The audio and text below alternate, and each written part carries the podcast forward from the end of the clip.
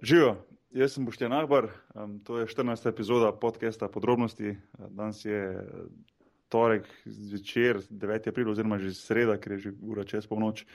Um, snemamo danes tako pozno, razen, ravno zaradi tega, ker je uh, naš gost uh, na lokaciji, ki je 6 ur za mestom, za, kjer sem jaz in za mestom, v katerem je tudi naš kolega in predsednik Rokset kluba. Ne, že Tomič, zdaj že malo bolj široko znam, ki si že. Ja, že glih de, de, pošiljam newsletter, sem fanom. Ja. Jaz, ne, kot tako vedno rečem, najbolj smešno je, da res kdo obstaja, ki to verjame in tisti, ti smo človek, ja. ki to zavidam, res. Odlično. Zdaj so še spet eni najdel on sajt, tako da ja, ne bomo o sajtu, povej kaj drugega. Ja, um, Zahvala poslušalcem, kot vedno na začetku, uh, vsem tistim, ki ste poslušali naše najne podcaste do zdaj, um, za vse downloade, vse komentarje, ocene v iTunesih, uh, tudi uh, kritike pa ideje za, za prihodne vdaje. Um, zelo smo z nažetom vesela in uh, kolikor se da, ponovno tudi prek Twitterja, um, prek maila in prek ostalih uh, socialnih omrežij odgovorimo na vse te tvite oziroma um, vse te kontakte. Um, kje se nas najde, že? Na netu. Ja, Vsi podcasti so na aparatus.si, pa so tudi v iTunesih, pa da se na njih naročiti v iTunesih in v RSA-ju. Pa če ste na podrobnosti naročeni v iTunesih, bo kakršna koli cena tam ful dobro došla. Tako da ja, to. Ja, zdaj je že ful, zdaj je že.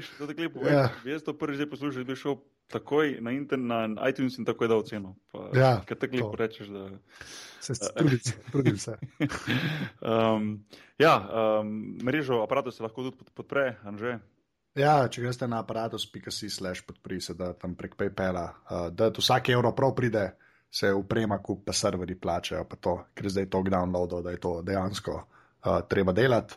Uh, in, ja, pa mešalko sem kupil, zdaj to lahko povem. To pove, to zdaj, veste. Ja, mešalko imamo zdaj. Ja, zdaj je mešalka, ki se jo moram še naučiti. Ja, še dva meseca trajalo, da pogrudaš, kako to dela. Ja, kako vse skupaj deluje, ampak imamo jo pa. No. No, to, da, bo ja. nad, to bo še nadgradilo naš podcast in sem en dokaz več, da tisti, ki podpirate finančno naš, naš oziroma anžetovo podcast mrežo, aparatus, da, da gre denar v, v pravo, prave namene. Um, Umen, imaš še kaj za dodati glede tega? Uh, ne, ful dobro mešalka je. Ja. Omenil bi samo zadnji podcast, ki smo ga snimali z Markom Miličem, um, je na aparatus.si. Uh, možno ga to dobiti, tisti, ki ga še niso poslušali na iTunesih. Uh, Marko, to še enkrat hvala. Da, jaz sem se tako smejal, pa sem šel še podcast poslušati, uh, ko si ga dal ven že. In, in uh, moram reči, da sem se še enkrat smejal, isto kot sem se prvič, ko sem poslušal, uh, ker je res povedal toliko tisoč in eno anegdot o njegovi karieri in sploh zdaj, ko je kvajto zanimivosti povezane s tem in, in tako naprej. Tako da, Marko, če poslušaš, še enkrat ful hvala. Um, današnji gost pa. Um, malo sem že na Twitterju omenil, da bomo šli v ene druge vode, zaplavali športa in bomo šli v, v, v vesolje. Jaz, to se uvert sliši. To se sliši, ja. Je pa nekaj, kar smo z Anžetom, če si ki spremljate ta podcast, ste opazili, da, da skoraj v vsakem podkastu pomeni, pomenimo eno vir zadevo povezan z vesoljem, tako drugače. Ni, ni na ključe, da, da je to današnji uh, gost um, povezan, tesno povezan z vesoljem, gre za, gre za astrofizika, uh, slovenski astrofizika, ki pa živi v, v, v Združenih državah Amerike. Anže Slosar, um, Anže, tebe bom klical pa zdaj, Anže Tomič uradno, Anže, štarti zadevo.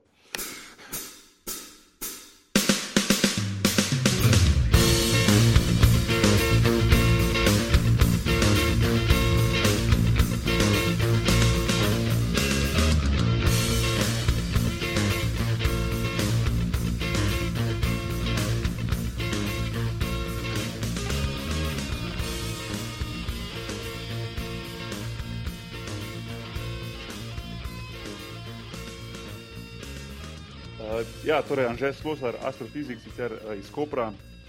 Uh, če sem prav zbral podatke na internetu, uh, po medna, mednarodni maturi v Ljubljani, uh, v, v, se, se je na študij odpravil v Cambridge, uh, zdaj pa živi v New Yorku in dela v Brookhavenskem nacionalnem laboratoriju v Uptonu. Um, Kvarja se z kartiranjem vesolja, to ga bom vprašal, da naj razloži, zakaj to točno gre, um, oziroma novo, za novo in za katero tudi dobil nagrado uh, leta 2011 uh, za, za novo tehniko kartiranja vesolja uh, strani Ameriškega ministrstva za energijo.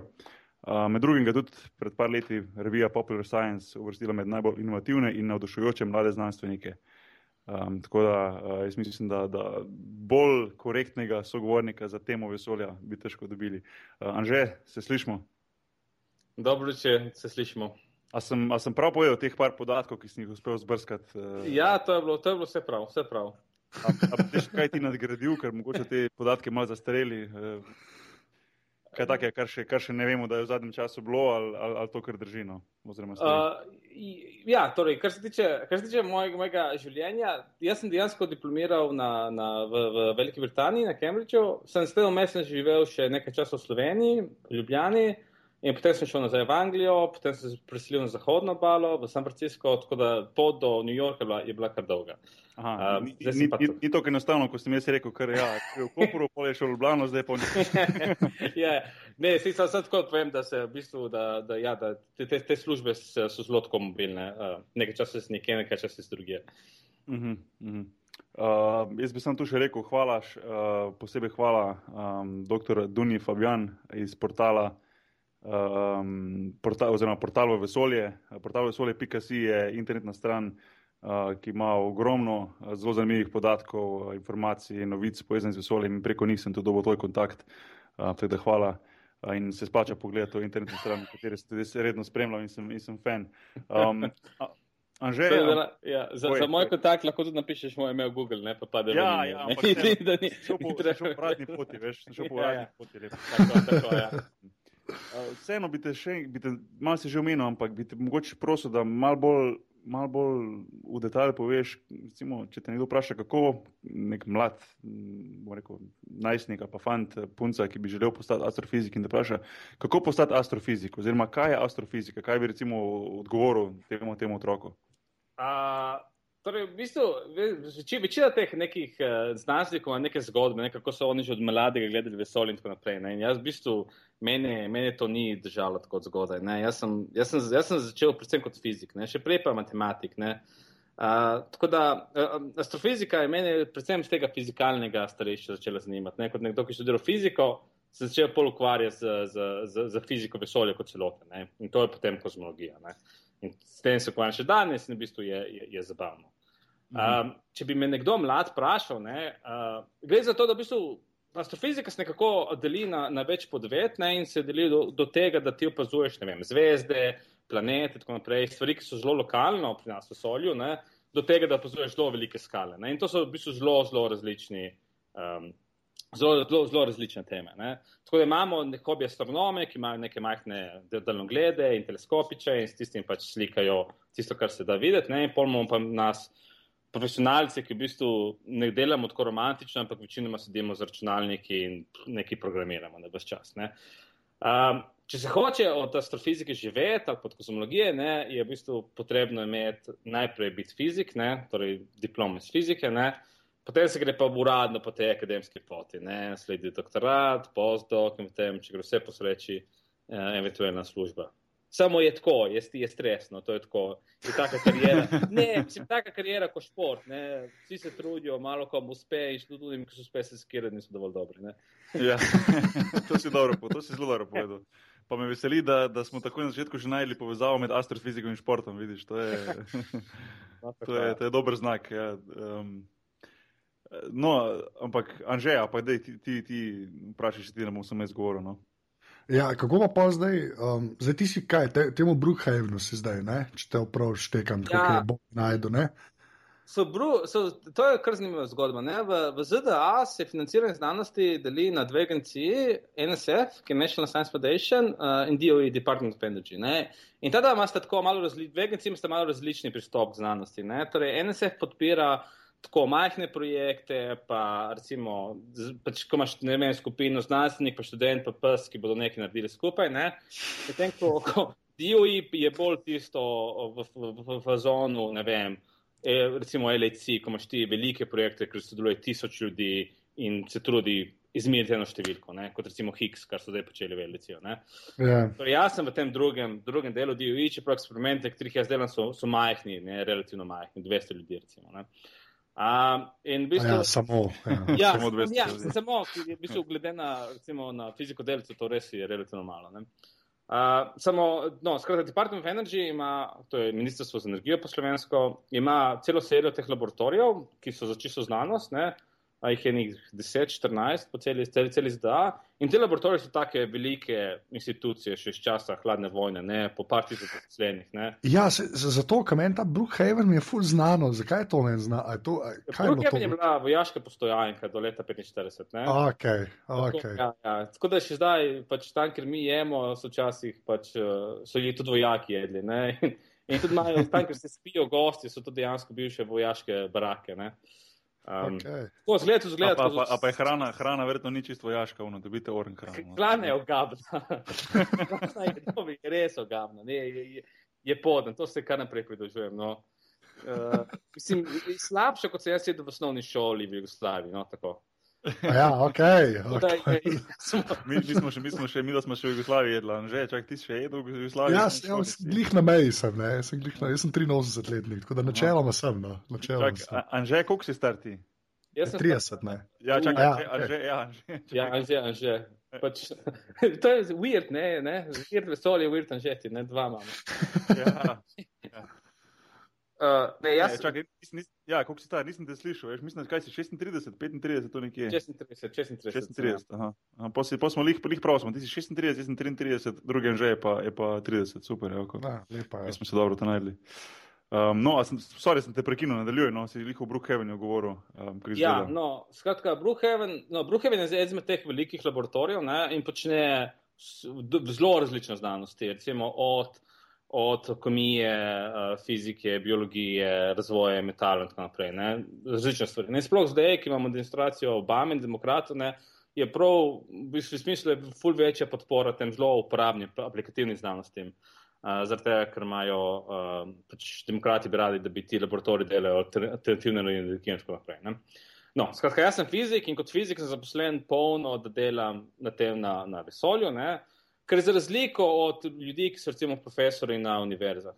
Torej, če ti profesor na univerzah, imaš do neke mere več svobode, da delaš absolutno kar hočeš, lahko študiraš, ne vem, Uh, ne vem, en, šmrko po tleh, če ti to paše, ne, lahko polže, ne, medtem ko, medtem ko pla, to plačeš s tem, da moraš tudi učiti. Ne. Mi ne učimo nič, smo, dejansko smo, smo, smo čista znanost, ne, ampak nekako se moraš vklopiti v to, kamor laboratorij kot celota misli. Ne. In v mojem primeru se to pokriva tako, da v bistvu jaz, uh, jaz dejansko pač raziskujem vesolje vsak dan. Uh -huh, uh -huh. Okay, ampak kaj, kaj pa to praktično pomeni? Mislim, tako, a veš, kaj, kaj to pomeni, da raziskuješ vesolje vsaj dan? Kaj, to, kaj pomeni, ko priješ v pisarno? Kaj, Ja. ali, oziroma, pač, kje si? Na, na, delo, na delovno mesto. Na delovno Ja, mesto. na tekoči trak. ja. Torej, ja, torej prvo, prvo laboratorij je bistvu eno uro vzhodno iz New Yorka. Ne? Torej, se jaz nekaj časa, kot da bi se vozil iz Kopra v Ljubljano, to traja. Ne? Včasih grem z vlakom, včasih grem z avtom. Torej, tako je mute, je, je kar dolg. Ne? Če, kje pa živiš drugače? Živim pa prav v Queensu, to je del, del celega ja, ja, mesta. sej, sej, sej, jaz, jaz dobro poznam New York. Jaz sem v bistvu imel tudi, uh, mislim, sem živel tri leta v New Yorku, oziroma v, A. v New Jerseyju, no? um, lih čez, čez, čez, čez reko, čez Hudson reko na drugi strani, tako da dobro poznam lokacijo. In sem šel lih zdaj pogledat uh, mapo in vidim, da je Brookhaven je kar, stra- kar daleč stran, no? ni tako blizu New Yorka, kot sem si mislil, da je. No? Ja, Um. tudi, ja, tudi jaz sem mislil, da je bliže. Uh, ja, no, skratka, ja, živim v Queensu, to je v bistvu še prav pač centralni del mesta, tako da je v redu, samo to pomeni, da potovanje na, na Long Island traja, traja nekaj časa. Ne. Mhm. No, skratka, prijem pisarno in potem uh, pol delam ali tri stvari, ne, ali štiri stvari. Ali, ali večino časa sedim z računalnikom in ali programiram, ali odgovarjam na maile. Uh, Kadar ne počnem tega, imamo telekonference, to pomeni, da se po telefonu pogovarjam z sodelavci in, in pač modrujemo, kaj treba narediti in kdo bo to naredil. In če ne počnem tega, ali pijem kavo, ali pa uh, se, se ukvarjam pač s svojimi študenti in pozdoki, ker pač še, še poskušam slediti, kaj oni delajo, kako delajo, če ima to smisel in tako naprej. Ne. Poleg tega, da imamo še seminarije in pač to sta te standardne stvari, ki se jih v akademiji počne. Okay, ampak programiraš pa kaj? Ok, kaj programiramo? Torej, Ja, no, mi imamo ta eksperiment, na katerem imamo en teleskop. Ne? In ta teleskop sedi v, v Novi Mehiki. In v bistvu ni tako velik. Ne? Mislim, tako fizično je še kar velik, ampak kar se tiče samega ogledala, ni tako velik. Ima ogledalo, na primer, 2 metra in pol. Ne? Mhm. Tako da povem za, za, za primer, ne, recimo ogledalo Hubble, ki je vesolju, je 3 metre, ne, medtem ko recimo ogledalo največjih teleskopov na Zemlji, recimo Kek, Subaru in tako naprej, so recimo 10 metrska ogledala. Ne. Torej, naš teleskop, kar se tiče ogledala, ni tako velik, ne, ampak kar je dobro v tem teleskopu, da ima optiko, ki omogoča, da gleda na zelo širok kot uh, neba naenkrat. Ne. Okay, torej, če ti Če, če, če imaš ti tele, teleskop, ki ima zelo veliko ogledalo, pa lahko gledaš samo skozi eno zelo, zelo tako, da bi gledal skozi neko slamco, zelo majhen kos neba, to ni tako uporabno. Ne? Torej, v bistvu, to, da imamo mi manjše ogledalo, je kompenzirano s tem, da lahko vidimo od dosti neba naenkrat. Ne? Uh -huh. In zato, zato je to uporabno, če hočeš delati preglede neba, kar mi počnemo. Torej, mi imamo zaposlene profesionalce, ki tam grejo vsako noč, sedijo za teleskopom in škljocejo nebo. Ne? In škljocejo nebo tako, da, tako, da pač, pač jemljajo slike, pa tudi tako, da pač jemljajo spektre, no? torej, da svetlobo razlomijo in ugotovijo, ugotovijo recimo posamezne objekte, ali so bolj modri ali bolj rdeči in tako naprej. Ne? No, ti, ti, ti ljudje to počnejo in to so v bistvu ena zelo zanimiva kasta ljudi, ki so, so, so čudaki, ki v bistvu do neke mere večinoma astronomi, ki niso prav, ki, ki, jih, ki jih bolj zanima ta tehnična plat, kot, kot, kot da samo neko raziskovanje naš. Ti ljudje to počnejo te podatke potem po, po internetu pošljajo na te centralne serverje, ker se jih analizira. In to, kar jaz počnem iz dneva v dan, je pišem programe, ki poskušajo te podatke prežvečiti in mi nekaj povedati o vesolju. Ne? Ok, ampak, aha, to se pravi, oni so pač tam v, v New Mexico, ne? Ja, Pač slikajo, slikajo pač vesolje, to se tako čudno sliši. Uh, ja. okay, in pol ti to parsaš pač z programi, zato da pač Tako. nekje. Okay. In kaj, kaj, kaj pa parsaš, mislim, kaj kaj, a ti, je prej rekel, ne, kao ta kartografija, ne? ja, ja no, no, zdaj smo prišli, zdaj smo prišli v, v, v srčiko. Aha, ok, ja. Kaj se zgodi? Torej, to, kar mi delamo, v bistvu niti, niti ni tako težko, niti, niti ni tako lahko razumeti. Ne? Torej, mi gledamo ene objekte, ki se neče kvazari. Ne? In kvazari, samo, samo me kvazar izhaja iz besede uh, quasi, quasi stellar object. Ne? Torej, to, so, to so ena posebna kategorija objektov, ki so jih odkrili v šestih in niso, niso vedeli niti, kaj so. Ne? So, so izgledali kot pike, izgledali so kot zvezde, ne? torej točka sta telesa. Ne? Torej, v, če pogledamo na nebo, imamo, se večinoma objekti v ogromnem delijo na, če pozabimo na planete, Luno in tako naprej, se delijo na zvezde in galaksije. Ne? Torej, zvezde so tiste, ki izgledajo kot pikce, ki so tako majhni, da jih ne moreš razločiti, in galaksije pa če vidiš, da imajo neko obliko, da so eliptične. Ne? No in ti kvazari so izgledali kot pikce. Ne? Ljudje so mislili, da so zvezde, ampak niso imeli pojma, kakšne zvezde bi to bilo, ker če si pogledal njihove spektre, ne? če si razlomil svetlobo v Maurico, so, ni, ni imelo smisla. Ne? No, kasneje se je gotovilo, da ti kvazari so, so, so centri zelo oddaljenih galaksij, ki zelo, zelo močno svetijo. Ne? Torej, ti imaš v teh galaksijah imaš, imaš črno luknjo, v katero pada pač sranje v teh galaksijah in ta črna luknja ful se greje, ta, ta, ta material in to začne svetiti zelo, zelo močno. Ne? Ok, in mi opazujemo te objekte, in ti objekti so tako, tako, tako neskončno svetli, da jih lahko vidiš praktično čez pol vesolja. Ne? Okay? Torej, mi Ok. okay. gledamo vesolje, če, če si predstavljamo, ne več dlje, ko gledaš, bolj nazaj v času gledaš. Ne? Torej, mi Mhm. gledamo objekti, ki so, na, ki so več kot pol poti od zdaj do velikega poka. Ne? Torej, so res, res zelo, zelo daleč. Ja, če te lahko prekinem, uh, se pravi, vi se pravi gledate v bistvu nazaj v zgodovino. Uh, Tako, ja. Vi gledate nazaj v čas in to je meni men tako fascinantna zadeva, da v bistvu. A lahko mogoče besedo dve o tem, ali pa če hočeš zdaj zaključiti to, kar govoriš, pa mogoče to, da ne bom pozabil, ker to se mi zdi najbolj zanimivo. In jaz do, do pred par tednov tega niti nisem vedel, ko sem uh, šele prebral, da v bistvu, ko gledaš ti v vesolje, gledaš v preteklost. Ne? To je bilo za mene. No, ja, Ja. ja.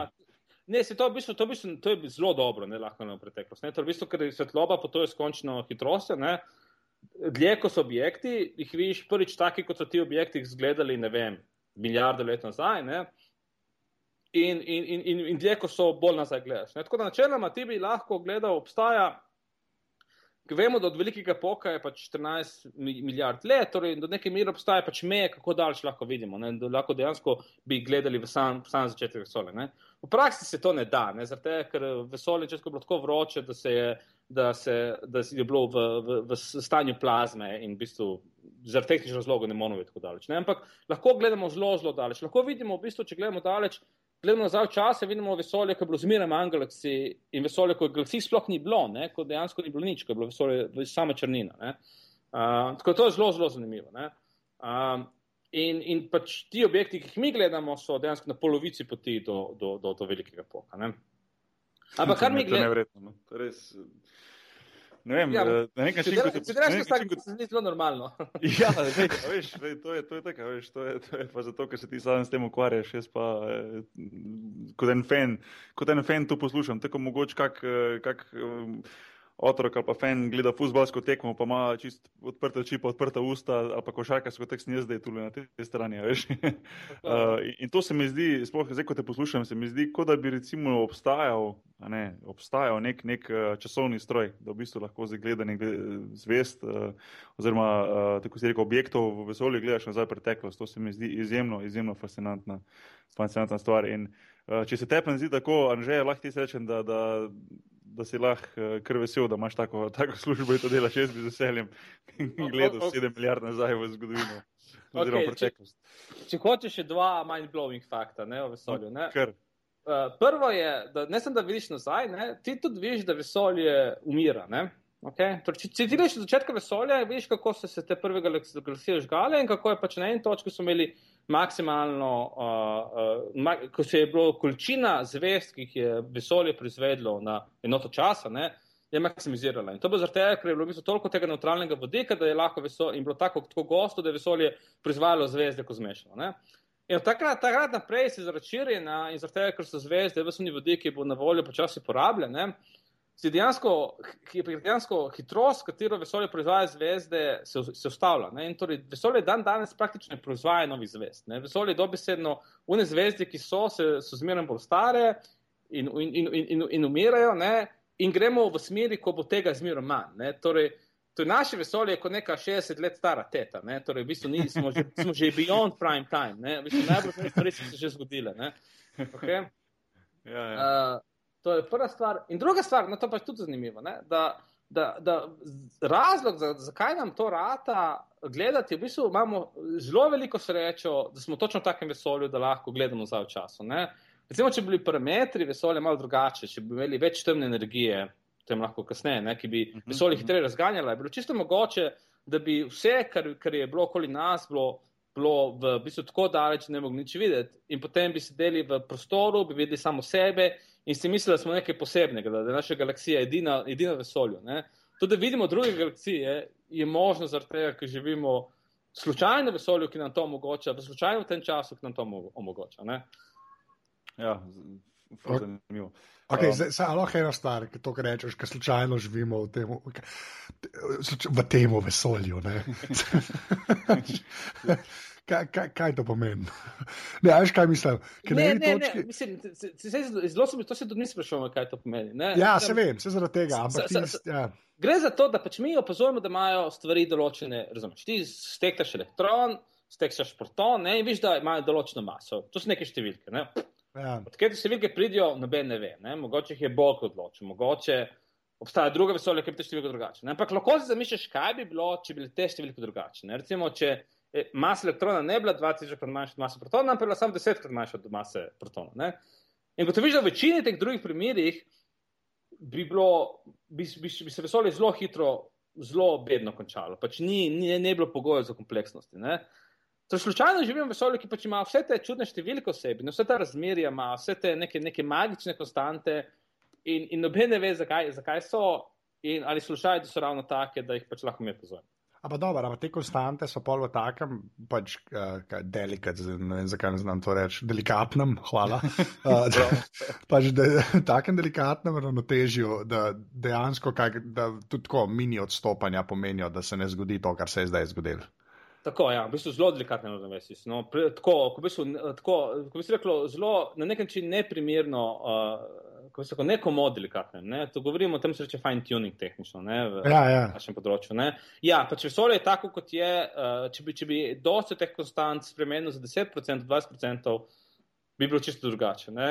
In zdaj ljudje se kregajo, ker včasih, recimo, sto let nazaj so ljudje mislili, ev eventualno bomo pogruntali. Ne? Veš, dosti krat so se, so se stvari povezale. Ne? Smo recimo, znali povezati, recimo, si, si izmeril maso, maso zemlje in gravitacijo konstantno in si gotov, da recimo.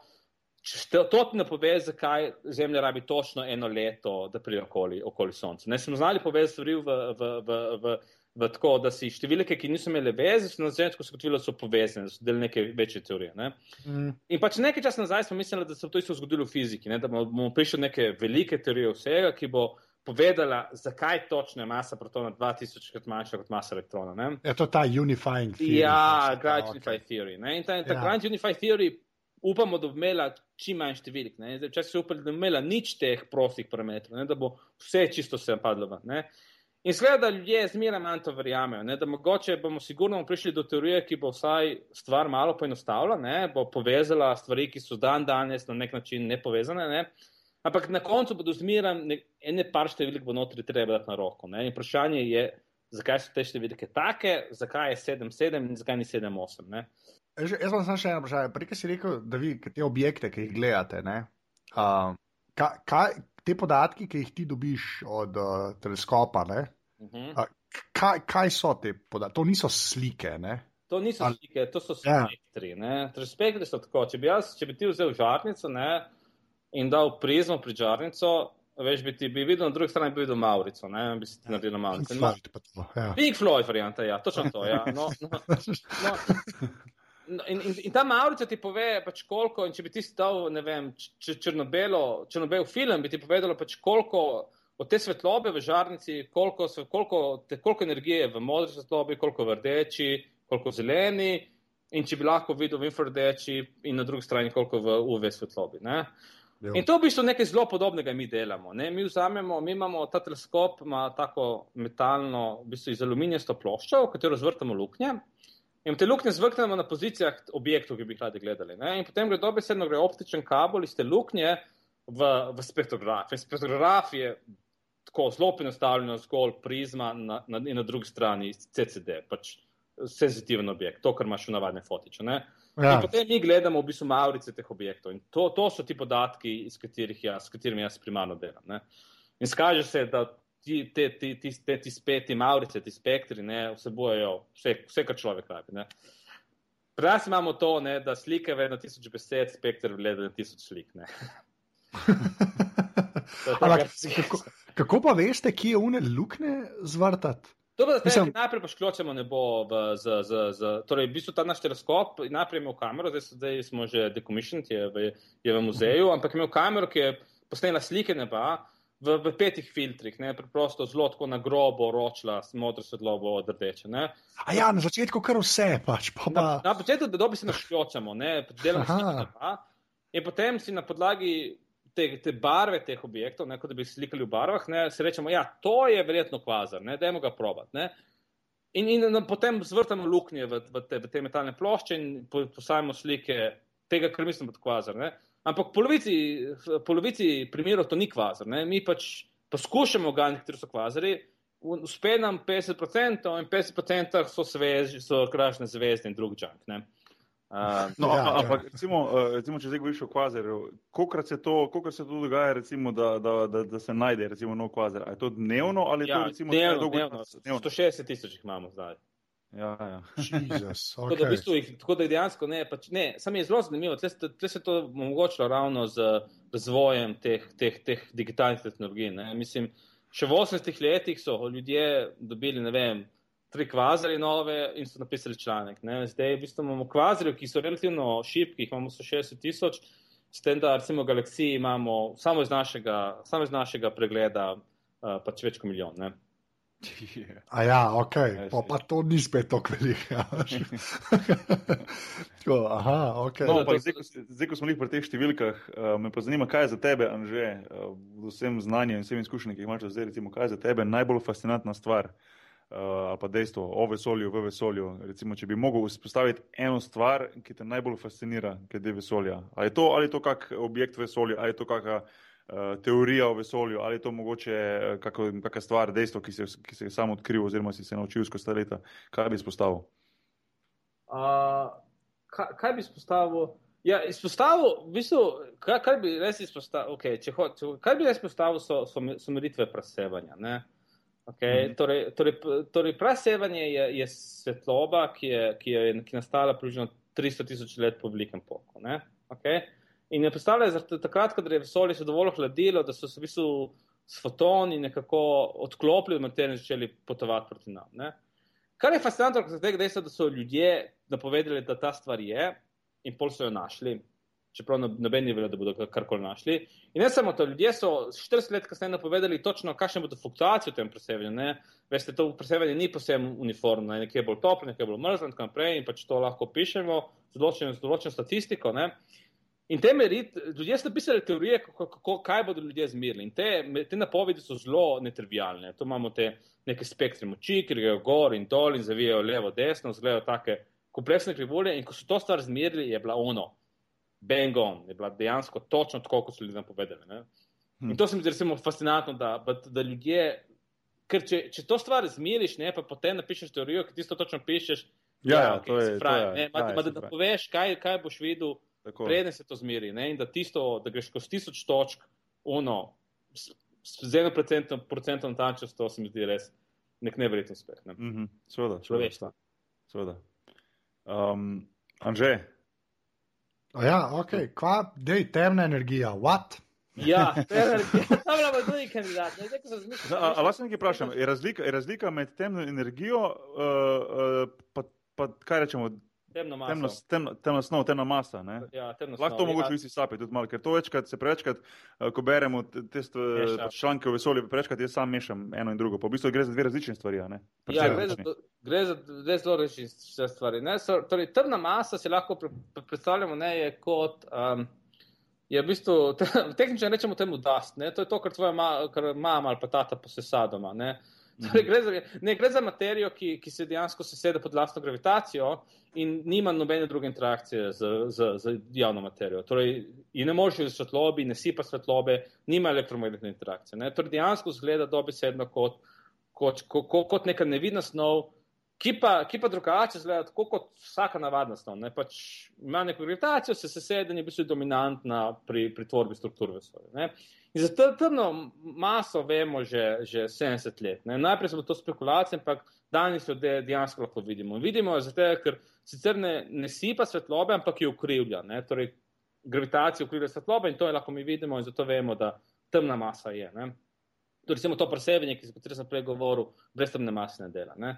Uh -huh. uh, in temna masa niti ni tako čudna. Ker, recimo, če gledamo, vemo, da teorija delcev ni popolna, recimo v LHC-ju poskušajo v CERN-u, ne v pospeševalniku, poskušajo to malo bolj razumeti, zmeniti. In vsaka teorija, ki poenoti, vsaka bolj sofisticirana teorija, ima kandidate za temno maso. Ne?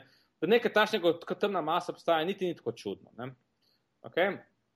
Zdaj, temna energija je nekaj čisto drugega. Ne? Temna energija je v bistvu komponenta vesolja, ki je za razliko od temne mase zelo, zelo gladka, posodjo je približno enako, nima, nima neke fluktuacije, v bistvu v najbolj preprostem modelu sploh ne more imeti fluktuacij. Ne?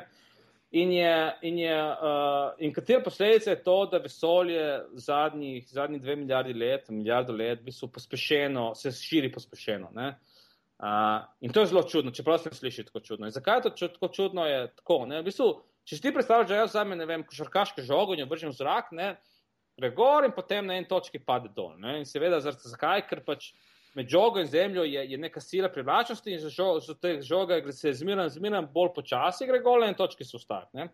Okay? In mm -hmm. vesolje dela podobno. Vesolje si lahko predstavljamo kot en, en doseg košarkaški žog skupaj. Ne? In če, ga, če je velik pok, mu dal neko začetno energijo. Ne?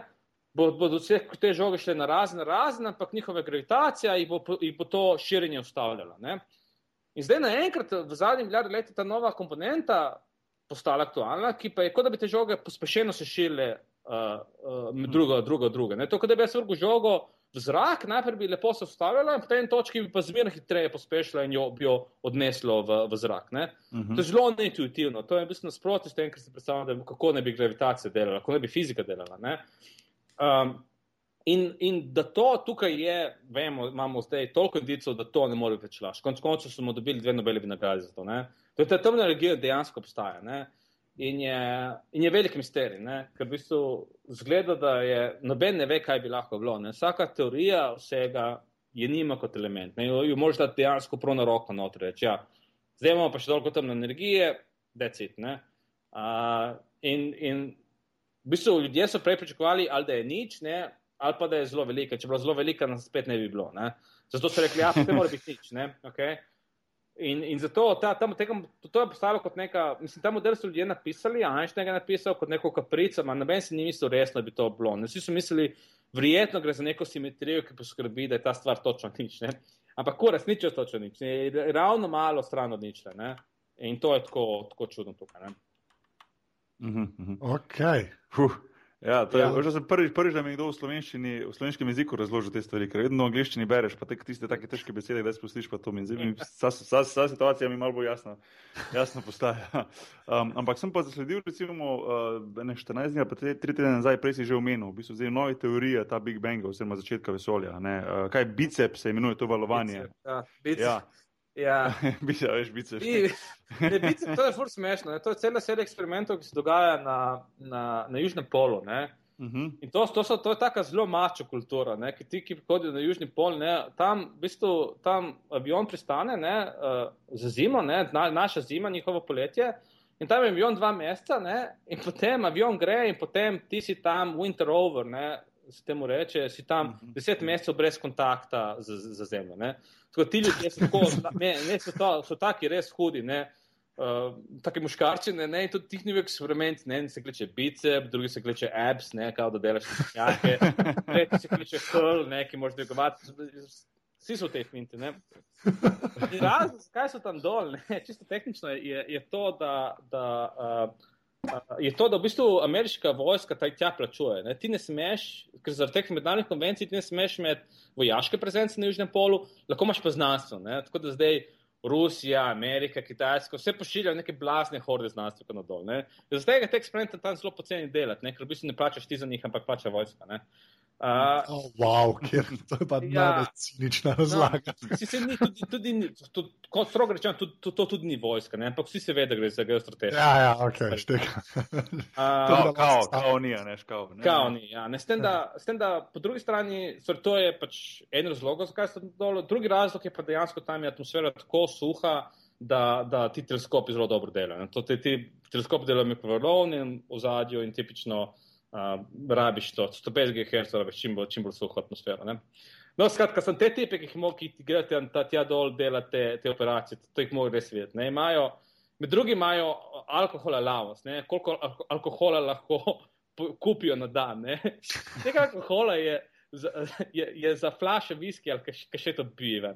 Tako da, ne vem, ti ljudje dejansko grejo dol in ga v bistvu eno leto uh, pijejo, nagi tekajo po, po zunaj, ko je minus 80 stopinj in podobna jajca.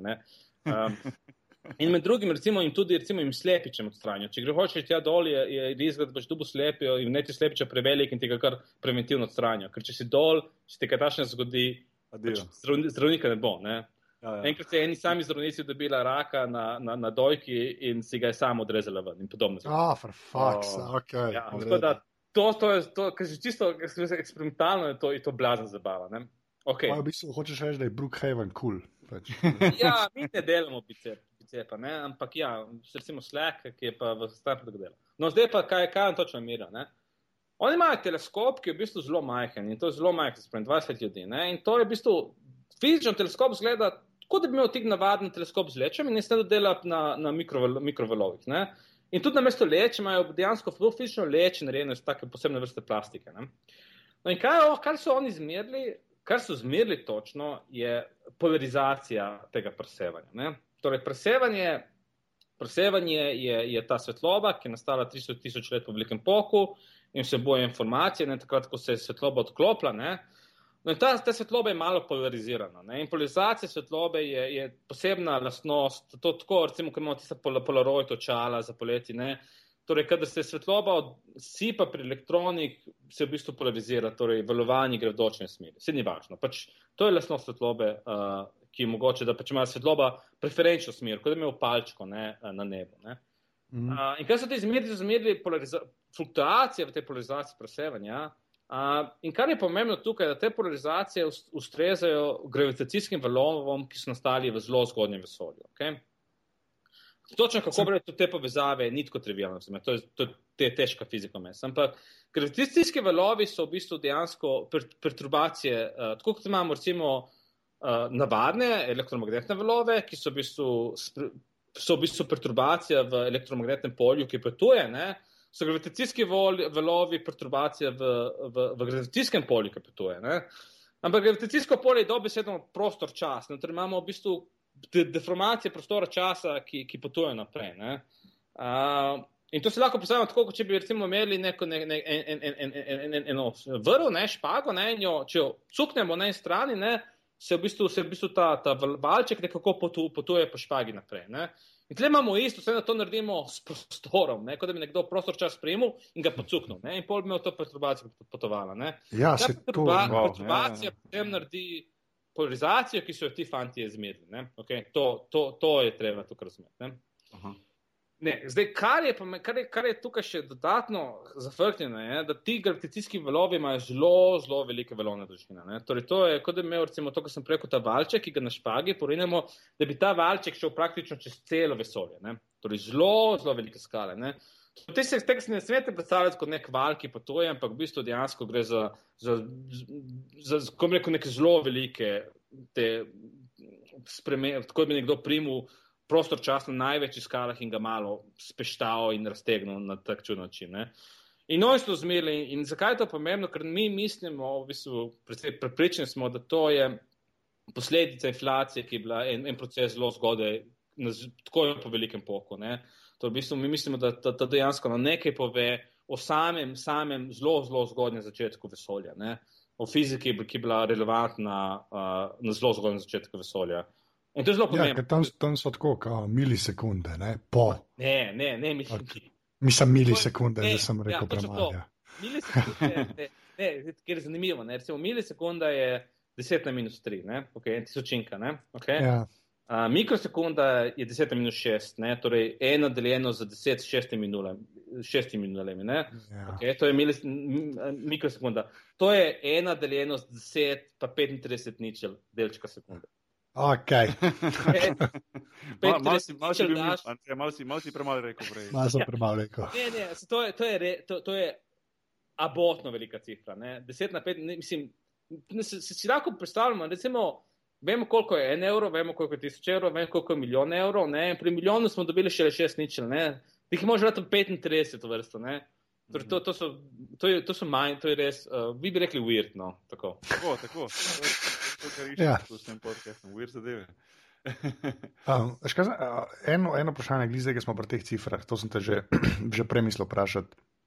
A pa se ti zdaj pol, k, s tako velikimi ciframi operiraš, ne? A si tako že, že na treneru, pač glavo, da, da, da znaš konceptualizirati te ta res, ali ta velike razdalje, ali pa pač, ajš 10 na minus, ne, 35, ne?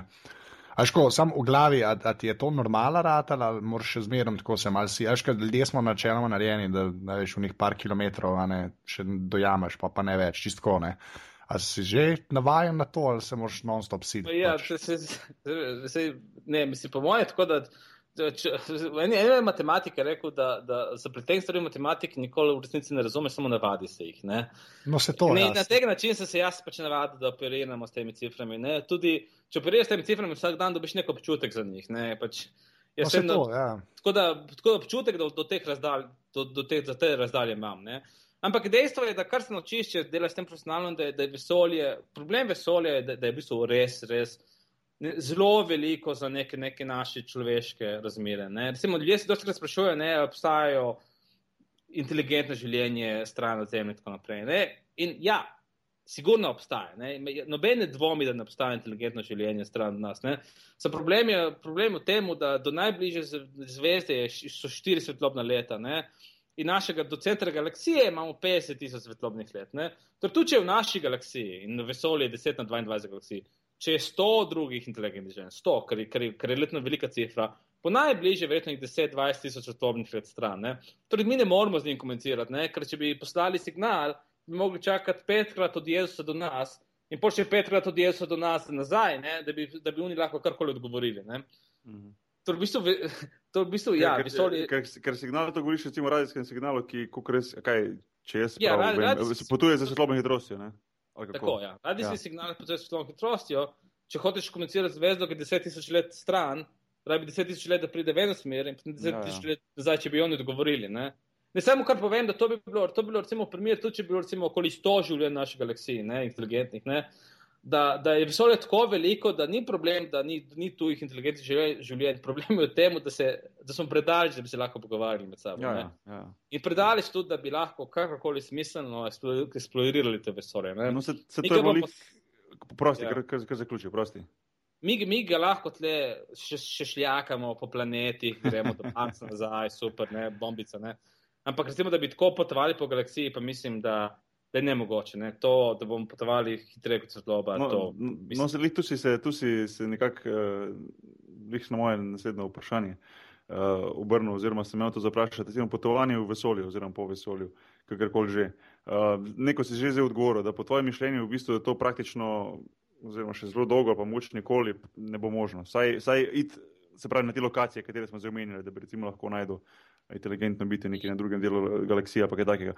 Uh, ker recimo tudi svetlobna hitrost, kak, že, že, mislim, ogromna hitrost, ki je to, tudi, tudi če bi v teoriji izumili lahko vozilo, plovilo, kakorkoli že, ki bi imelo to hitrost, je to še vedno daleč, daleč, daleč premalo, da bi lahko karkoli dosegli. Tako, ja, točno to. V bistvu, Gre za to, da ni, ni, ne, ne, gre za to, da ni nekega fundamentalnega razloga, zakaj bi nam pač kdorkoli skril to vesolje namenil to srečo, da bi obstajala možnost. Ne, pač lahko fizično obstaja in danes verjamem, da fizično obstaja možnost, da bi šli hitreje kot.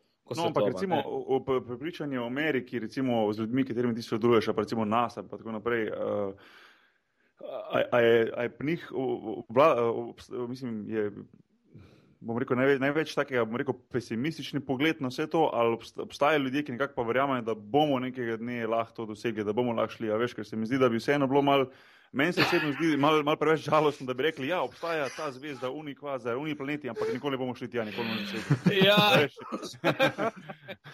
zakaj pa ja. to, to sploh raziskujemo, pa zakaj to, če v bistvu itek nimamo šans, da kar to isto, kot da bi igral basket tekom, pa bi rekel, jaz sem zdaj treniral, bom treniral uh, deset let, se bom gonil na treningih, bom ojačal vse to, ampak unga nasprotnika itek nikoli ne bom premagal. Kaj boš sploh igral tekmo? ne, ja, ja, jaz mislim tako, da, da med, med znanstveniki noben realno ne pričakuje, da bomo presegli hitro svetlobe. Ne. Gre za to, da v bistvu to je, to je, protoko, to je tako zelo fundamentalna limita. Uh, pa če imam, v bistvu bi se nam fizika tako podrla, podrla bi se na kozalnost, podrla bi se. Tako da mislim, da mogoče bomo šli zelo hitro, mogoče bomo šli s hitrostjo, ki je primerljiva s hitrostjo svetlobe. Ampak ne, jaz mislim, da zelo malo ljudi resno verjame, da bomo to naredili. Ne? Tudi tiste črvovače in tako naprej. Mislim, ja, ja, tiste črvovače, kaj je Warp Drive, kaj je že. To, ja, mislim, to, mislim, To je znanstvena Če... fantastika. To, mislim, Kako, a Star Trek je znanstvena fantastika? Ja. ja, to so to ljudi. Ja, ja. Samo gre za to, da do neke mere ne, pač človek dela to, kar lahko dela. Ne? Ne ampak, ampak, nekaj... ampak, oprosti, v teoriji je pa, je pa, mislim, bi pa bilo to možno v bistvu potovati na tak način, ali ne. Nekak, a veš, te ukrilovanje vesolja, pa nekako te luknje, tako zdaj kot čarovanje, ali kaj je pa slovenski prevod. Ja, mislim, ne, jaz mislim, da ne. Jaz mislim, da te. Gre za to, da pač nekdo napisal rešitve splošne teorije relativnosti, ki pač to načeloma mogoče. Noben ni še napisal niti, kako bi, recimo, če bi imel, če bi imel poljubno močne svoje energije, da bi lahko delal karkoli, kako priti iz, iz prostora časa, kot ga imamo zdaj, v prostor čas, ki bi imel to črvovino. Ne? Pač ne, ne znam, pač ni, niti ta fizika še ni razdeljena in pač ljudje zelo močno verjamejo, da, da, se, da, da se to ne da. Ne? Uh, bi, mislim, ne samo, da bi zahtevalo nemogoče energije, da se, da se, da se konceptualno ne da, ne, da, da bi, bi prekršilo naše osnovne zakone. Uh -huh. uh, tako da jaz, jaz mislim, da tle, ja, stari, pač uh, igrajo basket. Ne, ne, je, uh, ne, samo, samo, ne, samo po drugi strani, zakaj študiramo pač kvazare in, in galaksije in tako naprej. Ne? Ker se lahko nekaj naučimo o tem prostoru, v katerem živimo. Ne? Mislim, mi lahko, jaz študiram kvazare ne zato, ker bi rad tja šel, ampak me zanima, kako, kako, prid, kako pač nekaj učite vesolju, nekako vesolje nastalo in tako naprej. Ne? Uh, mm. Po drugi strani mislim pa, da, da bomo pa osvojili uh, pač našo neposredno okolico, ne? planet in tako naprej. Jaz mm. mislim, da da to se bo zgodilo ne verjetno za čas za našega časa, ampak še znotraj 300-500 let. Ne. No, no se to sem te mislil, jaz, po, mogoče malo kasneje vprašati, ampak lahko zdaj. Uh, recimo, ti, ti raziskovanje vesolja, uh, se pravi kartanje vesolja in vse to, recimo, ti najdeš motiv v tem, da pač ti to čist zanima, ali tudi mogoče gledaš, da s tem nekako pomagaš, da bi v prihodnosti lahko šli uh, tako se reče, na druge planete, ali pa če smo že pregoli na pol znanstvene fantastike, še dlje od tega. A najdeš tudi v tem motivu, da nekako uh, dajaš informacije sledečim generacijam, ki bojo pa uporabljati, a veš, a veš kaj mislim? Ja, ja, vem, kaj misliš. Ja. Torej, to najprej s tem kartiranjem vesolja. Ne, zdaj, vsi, ne vem, vsi si pač nekako, mislim, gre za to, da pač to, mislim, to kartiranje vesolja je prišlo dobesedno iz nekaj, ko ti nekaj odkriješ, ne, ti daš to potem, vse te institucije imajo press release, ne, ljudi ki vzamejo tvoj članek, ga prežvečajo in dajo nekaj za publiko. In tukaj pogosto stvari ful ponastavijo. Torej, vsi, ko, ko slišijo te katere vesolje, si predstavljajo, da jaz nekako rišem zemljevid, ne, ki ima ja, svoje. Ja, to sem si jaz prvo predstavljal. Ja, ja, ja, ja, ja. Se, se, to, če to pa se to sliši, ne. Če tudi James Cook časih pred ne vem, kdaj je on živel, pred 340 leti, ko je po morju plupa risal karte eh, raznih kontinentov, sem se predstavljal, aha, že sloser, super, on pa zihar tekmale zvezde, pa sem tja ja. mape. Zaliv eh, pač tega velikega upanja in tako naprej. Ne, ne, v praksi to, kar ja. delam, ne. Mi imamo teh 160 tisoč kvazarjev in mi nekaj. Jaz se niti ne poskušam kartirati vesolje, kje je bolj gosto, kje je manj gosto, ampak mi računamo statistiko tega, tega te obale. Ne. To je tako, kot če bi rekel, ne, kot če bi recimo James Cook rekel, mene ne zanima točno, kako gre obala Amerike, ne, ampak me zanima, me, ali je obala zelo gladka, ali gre recimo ravni črti, ali ima dosti zalivov in, in, in rtov. Ne. Ker če, ja, ja. me, če, če recimo o tem, ali, ali je v gladki črti, ali pa ima dosti zalivov rtov, nam lahko nekaj pove, recimo, ali je ta obala iz, iz peščenjaka ali iz nekega trdega kamna. Ne. In podobno nam statistika fluktuacije vesolja pove nekaj o tem, kaj se v vesolju dogaja, ne? brez da bi se mi posvečali točno, kje je vesolje bolj gostno, kje je manj gostno. To v bistvu meniti. Na nek način je točno to, zdaj zaradi tega, ker teh stvari nikoli ne bom mogel vedeti, me to niti ne zanima. To, ne? Ja, vse to, vse to. Ti, ti podatki so tudi tako šumnati, da se ne da točno sklepati. To ti lahko računaš. Ker je tema. Je ja, tema, ja. ja. ja. um, okay, zdaj pa en bolj random vprašanje. A ta kozmos gleda zdaj od uh, Tysona? Ta nov, si že gledal ta dokumentarski, da so bili že štirje. Nimate televizije. Nimaš te več, sem vedel, že sem prav čutil, sem, čutil sem, da si, da si nov TV person. Ne, ja, ja, ne, zaradi tega, ker v bistvu televizija v Ameriki je, je, je res poden. Ne, mislim, nikoli nisem.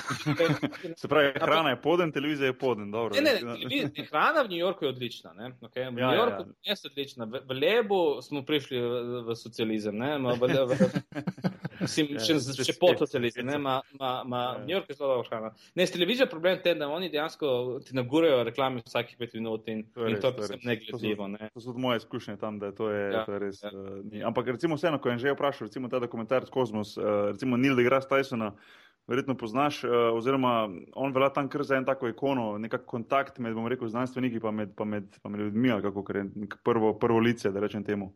Uh, ki ja. meni se zdi, no, v Ameriki. Ali al, al v bistvu za vas je on, je on precej nepomembna, nepomembna oseba? No?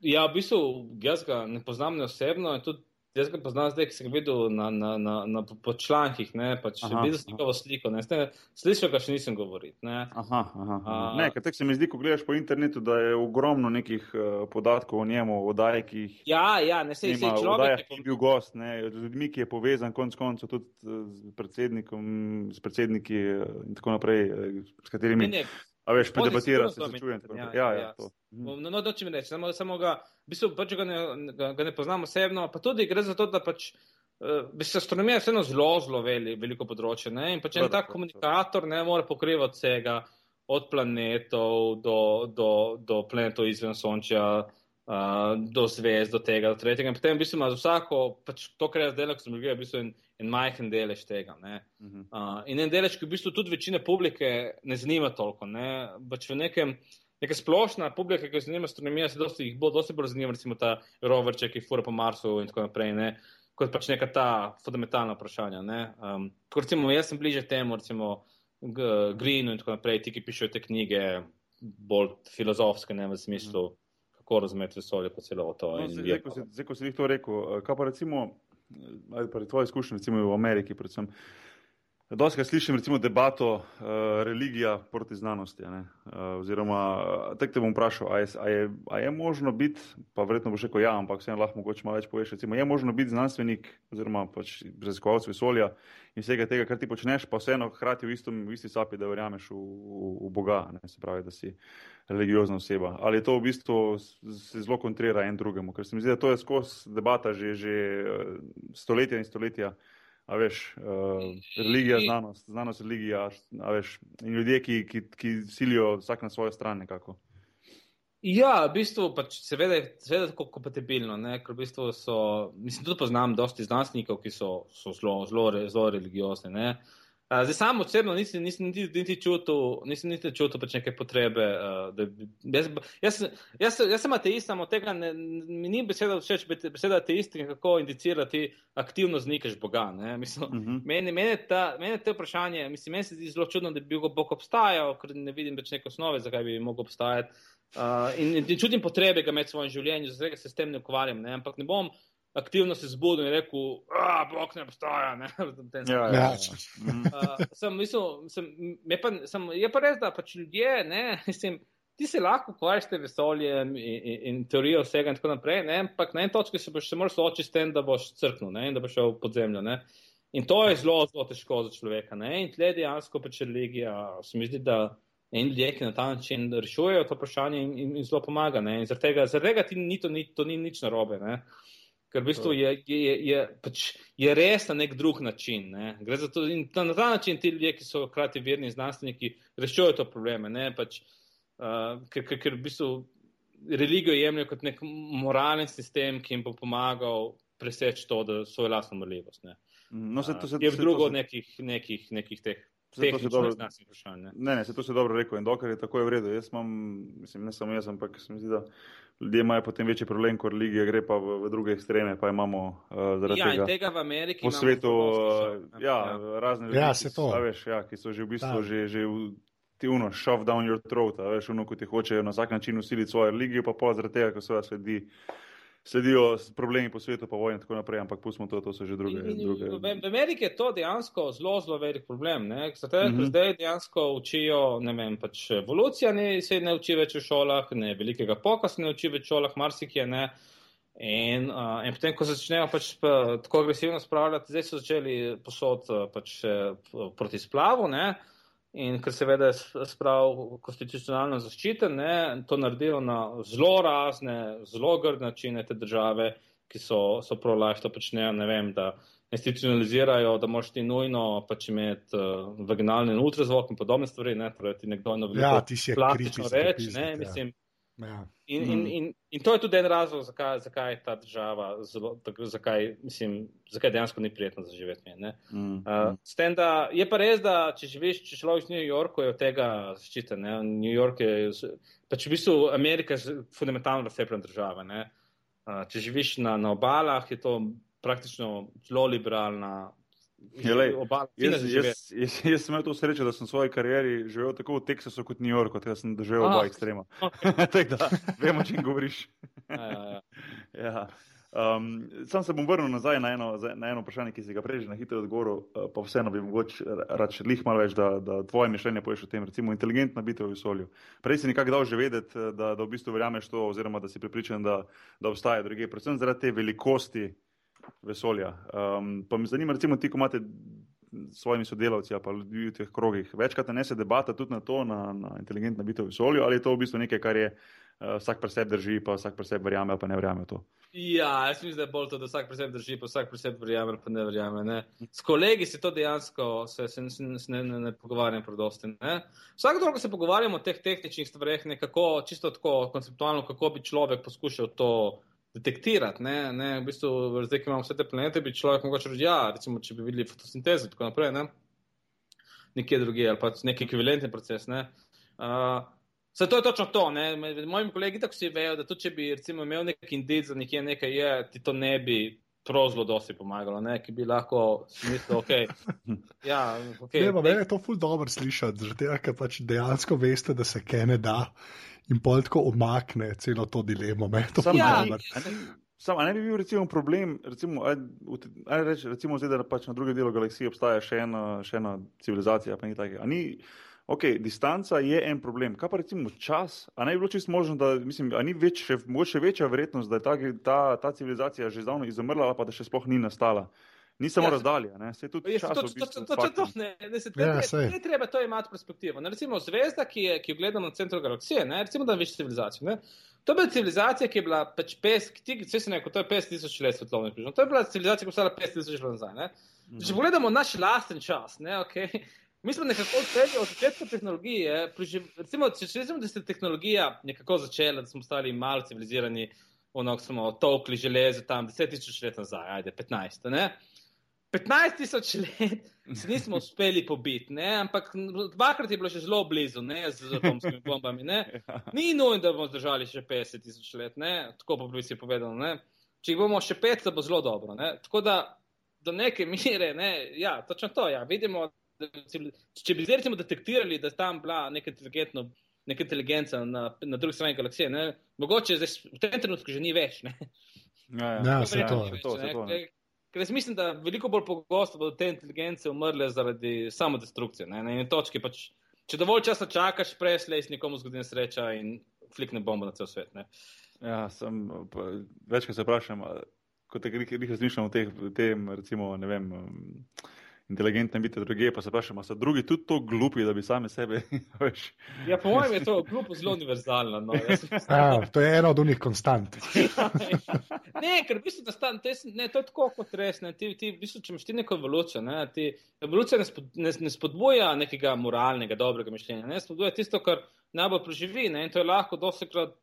Tudi zelo glupo. Ne? Bi se mi zdi, da generično z, z razvojem, z razvojem uh, pač neke inteligentne misli, tudi neka ta agresija pride, ker pač je ena izmed zelo naravnih načinov za reševati probleme. Tako da jaz mislim, da se, da se te vojne in to, mislim, neke, nek peaceful loving, ne aliens, ne, ki imajo, ki tako živijo v neki kozmični eh, edinosti z vsem, neki so šli preko tega sranja, po mojem to ne obstaja. Mislim, Lahko da obstaja, samo nisem tako gotovo. No. Ja.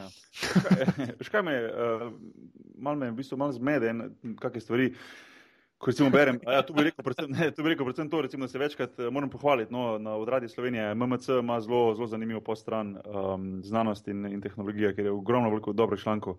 Um, in, in recimo zanč mi se mi zelo, zelo zanimiv članek, ki sem ga sicer že večkrat prebral na drugih straneh, uh, ampak vseeno, uh, ko govorijo recimo o planetu X, ne, veš, in hmm recimo v našem osončju. Meni se zdi tako smešno, kako je sploh možno o tem debatirati, da v bistvu nekako še obstaja, pa da je planet, ki ima ogromno, um, zelo dolgo pot okoli Sonca. Kako je možno, če pa govorimo že o kvazarjih, ki so toliko in toliko in toliko in toliko uh, um, svetlobnih let daleč. Zakaj se še dogaja, da pa recimo niti svojega osončja ne poznamo tako dobro, recimo z vsemi asteroidi ali pa asteroidimi pasovi ali pa vsem tem. Medtem ja, pa ja. daljno, daljno vesolje pa poznamo. Kje, zakaj to, to mi ni nekako ne. Ja, ne, se to je dobro vprašanje. Torej, gre za teh dodatnih planetih. Ne, obstajata dve zgodbi. Ena je crackpot zgodba, ne, da obstaja nek Nubiru X, nek planet v hmm. notranji orbiti. Ne. To mislim, da to, to lahko pozabimo. To, to, to ne mora biti, ker bi ga že videli. Ja. Zdaj pa, kar se tiče pa, kar se tiče pa našega, recimo, lahko pa komot obstaja nek planet z neko veliko orbito, ki prejde enkrat na milijon let. Pa, pa recimo, te, te, vse te stvari so možne, ta, ta kozmična dinamika je zelo bogata, marsikaj se lahko zgodi. Ne. Razlog, zakaj vidimo kvazarje, ki so tako daleč stran, ne, ker tam imaš dejansko pač uh, milijone sončnih mas, ki padejo v črno luknjo, zaradi tega svet je zelo močen. Medtem ko uh, en, en, en planet, ki je v bistvu nek kamen, uh, pač za, za, za deset razdalj zemlje, zemlje od Sonca, je v bistvu boljši bak, zaradi tega, ker v bistvu je tako majhen. In je sončna svetloba tako majhna, da se komaj kaj odbije od njega, ne? in se ga zaradi tega ne vidi. Ne? To v bistvu, ja, ti objekti so zelo, če ti, ti greš lahko dlje stran, ne, pa če se toliko bo svetu, te bo toliko lažje videti. Okay? Podobno kot imamo recimo, tudi satelite ne, okoli naše zemlje, ki so zelo blizu, pa vseeno ne vidiš s prostim očesom, čeprav iz veze, ki so tako bodaleč. Uh -huh. Tako da mislim, da naše osončje nekje, nekje do tega, te, do, do, do, do Plutota je kar dobro razumljeno. Zdaj, ven se pa, se pa, je pa neverjetno, koliko novih stvari najdemo. Ne, ne samo okrog našega osončja, tudi recimo okrog naše galaksije. Ne. V zadnjih desetih letih smo ugotovili, da ima naša lastna galaksija, ki smo stalno mislili, da dobro poznamo, ima dosti nekih majhnih podgalaksij, ki furajo okoli um, uh, pač, uh, satelitov naše galaksije, ki so bili v bistvu podatki že vse čas, ampak so tako, so tako, tako medli in tako razpacani po nebu, noben do zdaj ni vedel. To se pravi, poje v bistvu res vse, kar odkrivamo v vesolju, uh, je v bistvu povezano s svetlobo. Če nekaj vidiš, ga lahko določiš, če ga ne, v bistvu ga ne. Se pravi, ne obstaja drugačna tehnika ali pa drugačno, um, a veš, ja, način. To. Ja. Točno ja. to, ali svetloba, vse prej svetlobe. Mm -hmm. Tudi tisto, kar ni svetloba, recimo lečenje, ne? recimo mi lahko vidimo, kako, uh, kako vesolje ukrije svetlobo. Uh, pač, ki prihaja proti nam, zato sklepamo za stvari, ki sicer ne vidimo. Ne? Uh, ampak, um, ampak drugače, vse, kar naši teleskopi gledamo, je svetloba. Obstajajo sicer e, tudi eksperimenti, ki ne gledajo svetlobe, gledajo recimo eh, vis, vis, delce uh, z visoko energijo. Ne? Recimo, in sateliti pobirajo pozitron, elektrone, ki prihajajo v njih. Ne? Ampak to je majhen del. Ne? Večinoma, ja, vse 99,9% vsega, kar vem v solju, pride svetlobe. Ja. Ja, ja. In celo te, te svetlobe skozi atmosfero uh, zemljskega gre, gre samo dve, dve vrsti, ali vidna svetloba ali pa radijska. Ne? Recimo, če hočemo imeti X žarke ali pa UV ja, ja. svetloba, pač vse se ustavi. Uh -huh, uh -huh. okay. Zdaj pa še eno vprašanje, poleg hrane, ne, ki si rekel, da je tam odlična. uh, Kakšna je pa razlika pa za astrofizika tako v Sloveniji in v Ameriki? Mislim, te pogoje, pa je štekam, da ta, te laboratorije, ampak čisto tudi kar se šolanja tiče, pa to, veš, ka, kam mi pademo. Ma, jaz, jaz sem v bistvu bil postdoc v, v Ljubljani uh, tri leta, tako po doktoratu, in jaz sem takrat zelo, zelo zadovoljen. Tako da, tako da v bistvu Ljubljansko, Ljubljansko univerza je, je, je, je, je do, dobra šola. Uh, uh -huh, okay. bistveno boljša, kot si, kot si marsikdo predstavlja. Uh, zdaj, kar se tiče raziskovanja, ne, seveda, če si, če, si, uh, če si v tujini, je lažje dobiti, uh, sploh na teh, si lažje biti del teh velikih kolaboracij in tako naprej. Ne. Tudi skupine so večje, ne, je pač lažje odživati nek stik. Ne. Uh, ja, zdaj, mislim, da tudi v Sloveniji zdaj se je toliko, prvič se je m, narava teh stvari spremenila v tem smislu, da je um, uh, da zdaj toliko delamo po mail, po elektronski pošti in, in, in dalje, da v bistvu ni, ni bisno več toliko, kje si. Ne. 30 let nazaj je bilo zelo bistveno, kje si bil. In drugič, ja mislim, da je tudi dosti evropskega denarja. Tako da mislim, da so, kar se tiče pogojev, so Ljubljana zelo uh, kompetitivna na tem. Ah, cool. Odlično. Ja. Um, še zadnje tako vprašanje. Um, kje, kje se vidiš čez, čez nekaj časa, čez 50 let, 15? Vem, uh, je to to, kar si, si vedno začel delati, uh, začel delati ali imaš. imaš uh, neke načrte za prihodnost, uh, ali v bistvu se čist pustiš, pa rečeš, no, go with the flow, pa kaj bo bo. Veš, je, je, še, še zmeraj, ko sem načrtoval, kaj bi rad počel čez deset let, se je svišlo. Tako da sem nehal to početi, ne, pač kar bo bo. Ne, zdaj, zdaj sem kar zadovoljen s tem, kar počnem, sem kar počel deset let, da bom pa. Si, si, več, si večino leta v Ameriki ali se vračaš domov dost, uh, v Slovenijo? Uh, Dosti potujem, ja, in v Sloveniji prijem prišel enkrat na leto. Dosti smo potovali po zimi, sem takrat je vse skupaj malo preveč, preveč psihotično, tako da zdaj se vračamo poleti, kot tudi New York, eh, pač vroč in spara ja. preveč. Ne. Ja, da. Cool. Super. Um, Anže, Tomičev, Anže, jaz, jaz ne vem za tebe, sam uh, uno, mind, my mind is blown, tako rečejo. ja, to je bilo. Informacij zanimivih. Um, za mene, zdaj sem se res prvič pogovarjal z nekom, ki, je, ki ima toliko znanja kot ti, Anže, da, da mi lahko malo razloži te zadeve. Uh, in, in sem ti res full, full hvaležen, uh, da, da, da si si uh, vzel čas, da si se pogovoril z nama. Um, jaz mislim, da. Hvala vam, ja. Meni je bilo meni ja, hvala. Ja. Um, če, boš, če boš kdaj v prihodnosti imel, imel čas, jaz bi te z veseljem kdaj še povabil nazaj podcast, predvsem če bo kakšno novo odkritje ali kaj takega, da, da, nama, uh, da nam, bom rekel, navadnim smrtnikom razložiš malo, eh, tako si zdaj, da bomo malo lažje se skupaj razumeli. Um, Anže, uh, za konc, mogoče tako na začetku uh, tvoje admin zadeve. Ja, podcast se najde na aparatus.si. Um, smo tudi na iTunesih, tako da če ste tam naročeni, dajte kakšno oceno, pa da se aparatus celo mrežo, to je zdaj že 600 daj podpreti, to pa greste pa na aparatus.si stež pri vsak evro, ki ga daste, full pro pride, tako da pa unike ste že dali, iber, iber, hvala, ker še enkrat iber fajn mešalko imam zdaj doma. ja, ni, ni še pogojno, samo bo pa. Ja, bo, bo. Ja. bo. Um, Anže, uh, tebe se, Anže, slosar, te, ti, ti Twitterja nimaš, ne? tebe ljudje pri Twitterju ne moreš. Jaz nekaj gledal, pa te nisem najdel, ali imaš? Ne, ne, jaz, jaz, sem, jaz, sem, jaz sem odklopljen od uh, ja, ja, Facebooka in Twitterja in podobnega. Ja, ja, ja. Ne, smisel, če mogoče si, si kje povezan, da, da dnevno objavljaš, koliko kvazarjev ste uspeli najti. Um, drugač pa ja, jaz sem Ed Boki Nahbar, oziroma Afran Boki Nahbar, Ed Anžet, uh, tako vedno smo dosegljivi na Twitterju za kakšno vprašanje ali pa za komentarje glede podcastov. Uh, Anže, te pa še enkrat, full hvala, pa lepo zdrav Ameriko. No, um, ja, Ibr, hvala, res. Hvala enako. Lepo, lepo, lepo spite sanjate danes. Ne? Ja, pa lepo, zdaj malo večerje, pa to, ker si šest ur zadnji, tako da lepo na izbi. Um, Uh, se, se slišmo, uh, to je to za naslednje goste, pa um, tako kot vedno. Um, bom, če ne prej, pa na Twitterju objavil, kdo je naslednji gost in uh, bo, bo v vsakem primeru zanimivo. Da, hvala za poslušanje, sem pa, pa se slišmo. Ajde, čau. Čau. Čau, čau.